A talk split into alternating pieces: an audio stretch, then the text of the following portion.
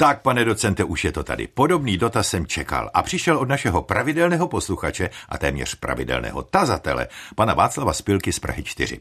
Pan Spilka se nás ptá na vysvětlení rozdílu mezi babím létem u nás a indiánským létem v Severní Americe. Hmm, počkejte, to zní spíše jako dotaz pro meteorology nebo klimatology. Mohl byste ten mail od pana Spilky pro jistotu přečíst? Určitě, tak poslouchejte, uvidíte, že si vůbec nevymýšlím. Dobrý den, pánové Rosaku a docente Olivo, píše pan Spilka, můžete nám plebejcům objasnit, proč se Rika babi léto, které právě teď zacalo?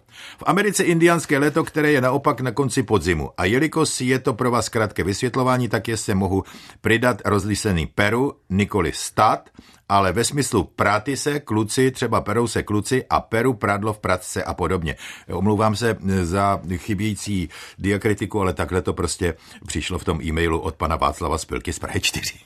Aha, takže nejde přímo o vysvětlení rozdílu mezi babím létem a indiánským létem, ale o vysvětlení původu těch názvů. Ano, samozřejmě máte pravdu. Tak, proč se tedy říká babí léto? To vůbec není lehká otázka. A to proto, že se při jejím zodpovídání nemůžeme omezit na češtinu. Tohle slovní spojení, nebo tedy přesněji řečeno jeho doslovný překlad, najdeme i v dalších slovanských jazycích, třeba v polštině nebo ruštině, kde zní babě lato, respektive babě léto, což ale asi není překvapivé, to uznávám. Zajímavé ale je, že stejný název tohoto období najdeme i v Němčině, Altweibersomo, a dokonce i v maďarštině Venáš Sonio Kňára, tedy pokud jsem to vyslovil správně. Obdivuhodně. No, ale to je opravdu zajímavé. Jak je to vlastně vůbec možné? No, v tom, jak je to možné, tkví právě obtížnost odpovědi na otázku, jak toto označení vzniklo. Ale pojďme na vysvětlení tohoto problému systematicky. Takže první, co můžeme pokládat za dost pravděpodobné, je, že když se toto spojení vyskytuje ve více slovanských jazycích, asi to bude slovní spojení dosti staré, ještě z praslovanských dob. Není to sice úplně jisté, protože mohlo dojít i k přejímání mezi těmito jazyky, ale vyjdeme z tohoto předpokladu. No dobře, to jistě můžeme. Dalším takovým krokem může být, že si všimneme, že ve starší češtině a v některých nářečních oblastech i dnes, třeba u starších lidí na Moravském Slovácku či na Náchodsku, se jako babí léto označuje nejen období déle trvajícího suchého, slunečného, teplého a málo větrného počasí v jinak už podzimní době, ale i jemné vlasovité pavučinky, které právě v tu dobu poletují vzduchem.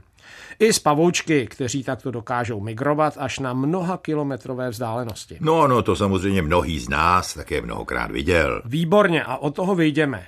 Tyhle pavučinky létají a není proto úplně nepravděpodobné, že je už staří slované označovali jako léto. Cože? Vy navrhujete, že by tedy tohle pavoučí léto vlastně nemělo nic společného s nějakým ročním obdobím nýbrž s létáním?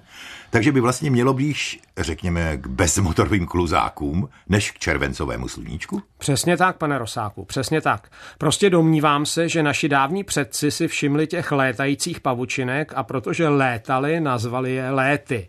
A protože ty pavučinky mají bílošedou barvu a tedy nejen vzhledem, ale i barvou jim připomínali vlasy starých žen, nazvali je babími léty. Úplně přesvědčivé doklady na to bohužel nemám, protože písemné prameny z té doby neexistují. Ale zní to vlastně docela logicky, to vám tedy musím dát za pravdu. No a pokud takovou hypotézu přejmeme, pak už je jen krůček k tomu, abychom si uvědomili, že se to označení babí léto mohlo snadno přenést z konkrétních objektů, tedy z těch pavučinek, na období, v němž se vyskytují. Prostě bylo to období, kdy ve vzduchu létá babí léto.